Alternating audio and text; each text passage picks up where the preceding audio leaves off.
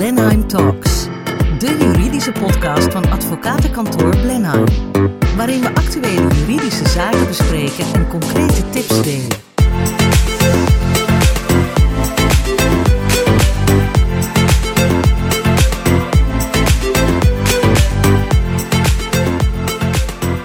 Vandaag zit ik hier met Teun Blom, mijn collega en vastgoedadvocaat. En mijn naam is Mark van Weren, ook vastgoedadvocaat bij Blenheim. We gaan het hebben over vastgoedwetgeving en met name wetgeving die nadelig kan zijn voor beleggers, voor uh, verhuurders. En wat kan je daar nou tegen doen, is de vraag. Dat gaan we bespreken. Uh, voorbeelden van dat soort regelingen is op dit moment de middenhuurregeling die eraan komt wijziging van het puntensysteem, de opkoopbescherming zoals die er nu al is en de wet verhuurderschap. En we gaan het ook nog even hebben over de plannen in Amsterdam voor de aanpak voor de volkshuisvesting. Uh, wat kan je doen tegen nadelige wetgeving? Nou, het antwoord daarop is kort, want je kan niet in bezwaar of beroep tegen regelgeving die wordt vastgesteld. Dus tegen een wet die wordt afgekondigd kan je niet direct in beroep. Maar in een procedure die bijvoorbeeld gebaseerd is op een besluit wat er is, kan die wetgeving wel getoetst worden. Dus het is niet zo dat je kansloos bent. Daarnaast zijn er andere manieren om invloed uit te oefenen op regelgeving, vastgoedregelgeving. En daar kan Teun het een en ander over zeggen, want een goed voorbeeld daarvan is de Amsterdamse aanpak volkshuisvesting zoals die nu in de maak is. Ja, dankjewel Mark. Uh, inderdaad, het is lastig om je te verzetten tegen uh, ongunstige regelgeving, ongunstige wetgeving um, als verhuurder. Uh, er zijn een aantal uitzonderingen. Zo is inderdaad het plan Amsterdamse aanpak volkshuisvesting er één van, waarin de gemeente Amsterdam de gelegenheid biedt aan partijen die hierdoor geraakt worden om hun zienswijze in te dienen. Um, het is ook heel erg belangrijk om dat op dat moment te doen. Juist ook omdat dat een van de weinige gelegenheden is waarop je die invloed kan uitoefenen. Uh, wat we bij het plan uh, Amsterdamse aanpak volkshuisvesting zien, en dan zullen we in de podcast wel uh, zo af en toe aanstippen, Mark, is dat dat aansluit bij eigenlijk veel van de regelgeving die jij zojuist noemde. Um, en dan ingaat over hoe de gemeente van plan is om dat in Amsterdam vorm te geven. Maar dat gaat ver, de opkoopbescherming gaat ver, de middenhuurregeling gaat ver. En dit is dus de gelegenheid eigenlijk voor Amsterdamse vastgoedeigenaren om zich daar iets van aan te trekken en iets over te vinden. Dan ga ik het even hebben over uh, goed verhuurderschap. Die wet zit er aan te komen, wet goed verhuurderschap. En er was al een pilot in Nederland waar uh, verhuurders dus aangepakt kunnen worden als ze malafide gedrag vertonen of andere zaken niet in orde zijn. Dat is een vergaande wettelijke regeling, die moet nog vastgesteld worden. En dat betekent dat als je als verhuurder je niet goed gedraagt en niet de methodes volgt die de gemeente voorschrijft, dat geldt ook voor woningbemiddelaars, dat je verplicht kan worden om een verhuurdersvergunning aan te vragen. Nou, daar kan je wel iets tegen doen en ons kantoor heeft dat ook met succes gedaan, want de eerste verhuurdersvergunning die de gemeente Schiedam had opgelegd, die is vernietigd door de rechter. Uh, en, waarom is dat? Uh, dat? Dat is gedaan omdat de gemeente heel zorgvuldig met dat soort hele zware middelen moet omgaan. En uh, dat in dit geval veel te snel naar dat middel gegrepen was. Want het is zeg maar een, het allerlaatste middel wat je hebt als overheid. En je moet eerst waarschuwen, een boete opleggen of een dwangsom. En je kan niet zomaar naar het zwaarste middel grijpen.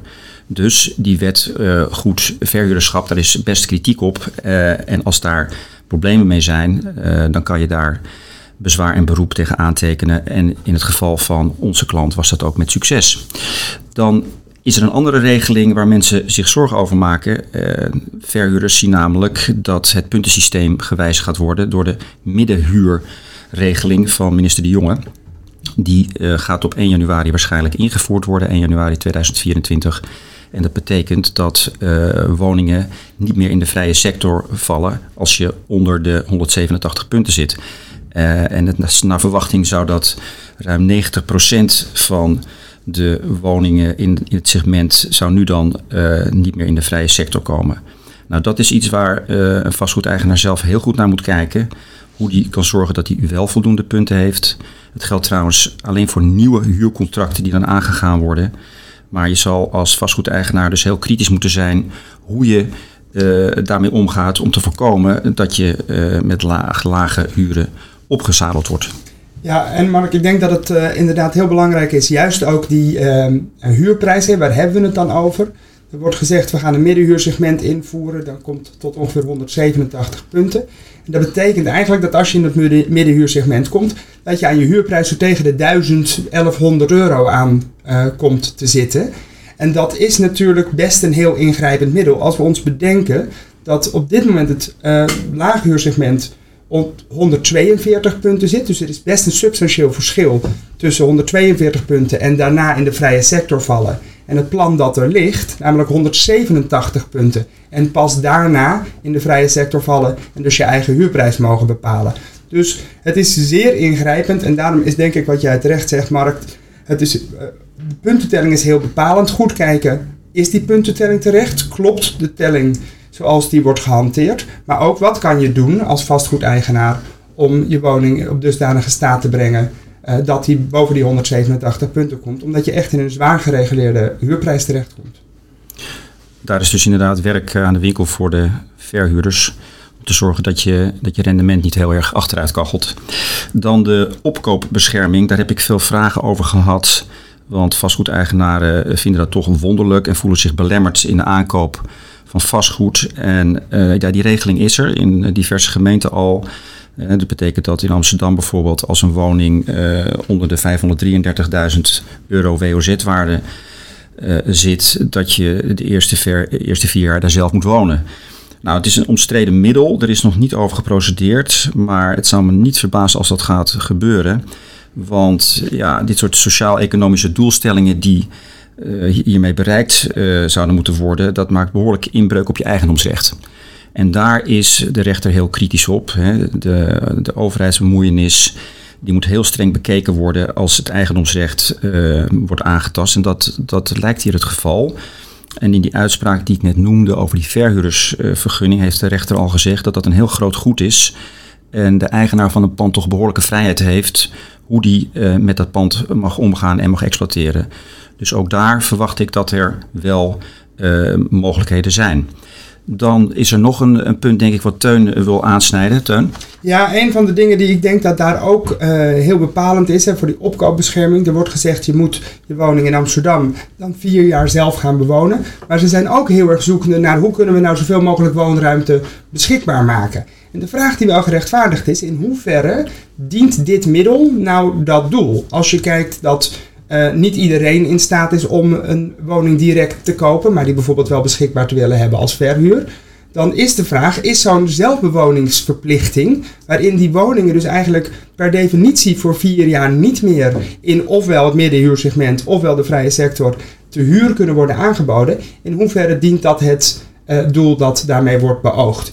En gelet op de ontwikkelingen in de rechtspraak is het zeker van belang om daar eens goed op te letten. Zijn die middelen nou uh, wel echt zo gerechtvaardigd en noodzakelijk en evenredig ten opzichte uh, van het te dienen doel? Dus dat wilde ik eigenlijk nog even toevoegen daaraan. Ja, goed punt. Uh, nieuwe regelgeving biedt ook kansen. Misschien kan Tuin daar straks nog iets over zeggen. Maar in ieder geval wil ik afsluiten met de opmerking dat je als vastgoedeigenaar en verhuurder gewoon je stem moet laten horen. Je kunt uh, inspreken bij de gemeente. Je kunt uh, met de politiek praten. Een heleboel van die regels moeten goedgekeurd worden door de gemeenteraad. En die is toch gevoelig voor de publieke opinie. Dus uh, zorg dat je je stem laat horen. Schrijf af en toe eens een stuk in de krant. En ik vraag Teun om nog eventjes het voorbeeld te noemen van de problematiek van woningdelen. en hoe dat misschien toch ook met die nieuwe regelgeving weer kansen zou kunnen bieden voor verhuurders. Ja, dankjewel Mark. Dat is inderdaad een van de dingen. Het is ook goed om te kijken uh, waar zitten de kansen. Er zijn een heleboel uh, beren op de weg te zien bij deze regelgeving en dat is denk ik geheel terecht. Maar er zijn zeker ook kansen. En een van die kansen is, is dat er op dit moment in elk geval in Amsterdam onderzocht wordt hoe toch weer verruimd kan worden dat woningen worden gedeeld. Dat uh, kan bijvoorbeeld door kamergewijze verhuur, dat kan door een hospita-regeling. Um, maar de gemeente Amsterdam is in elk geval wel tot de conclusie gekomen dat verruiming van de mogelijkheden van het delen van woningen, dat dat noodzakelijk is om zoveel mogelijk woningen beschikbaar te maken. Hè? Want als we kijken naar het, uh, het, plan uit Amsterdam, dan is een van de hoofddoelen is dat er meer woningen en meer woonruimte beschikbaar moet worden. Ehm, daar gaan ze dus kijken of daar mogelijkheden zijn, onder andere op kamergewijze verhuur. Ook daarvoor is wel van belang, wees er op tijd bij en spreek je in, omdat op dit moment wel wordt beoogd om die kamergewijze verhuur redelijk in te kaderen in hoe dat mogelijk is en wanneer dat mogelijk is. En zeker ook ten aanzien van eisen aan de woning, uh, eisen aan duurzaamheid en eisen aan de contractvormen uh, die daarin worden opgenomen. Maar het positieve, het silver, de silver lining, om het maar zo te noemen, is wel dat daar een verruiming uh, in zicht is voor het delen van woningen. Um, nog heel kort op het Amsterdamse plan.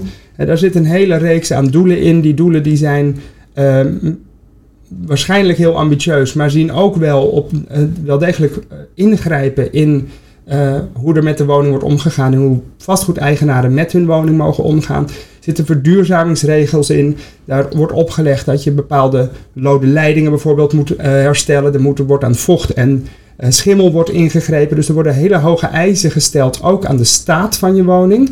Tegelijkertijd worden er mogelijk beperkingen opgelegd in hoe je die woning dan in de verhuurmarkt mag leggen. Dus het advies is zeker om daar op in te grijpen en een zienswijze in te dienen. Dat kan tot en met 27 maart van 2023. Dat kan op de website van de gemeente Amsterdam. Maar je kan ook het plan inzien bij het Stadsloket Centrum. En dat kan dus ook schriftelijk aan het Stadsloket worden toegezonden. Um, en dan zal de stad daar in elk geval in een reactiedocument op reageren. En ze zullen dat dus betrekken bij de vaststelling.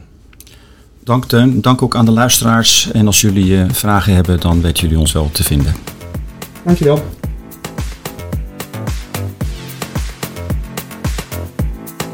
Dit was Blenheim Talks, de juridische podcast van advocatenkantoor Blenheim.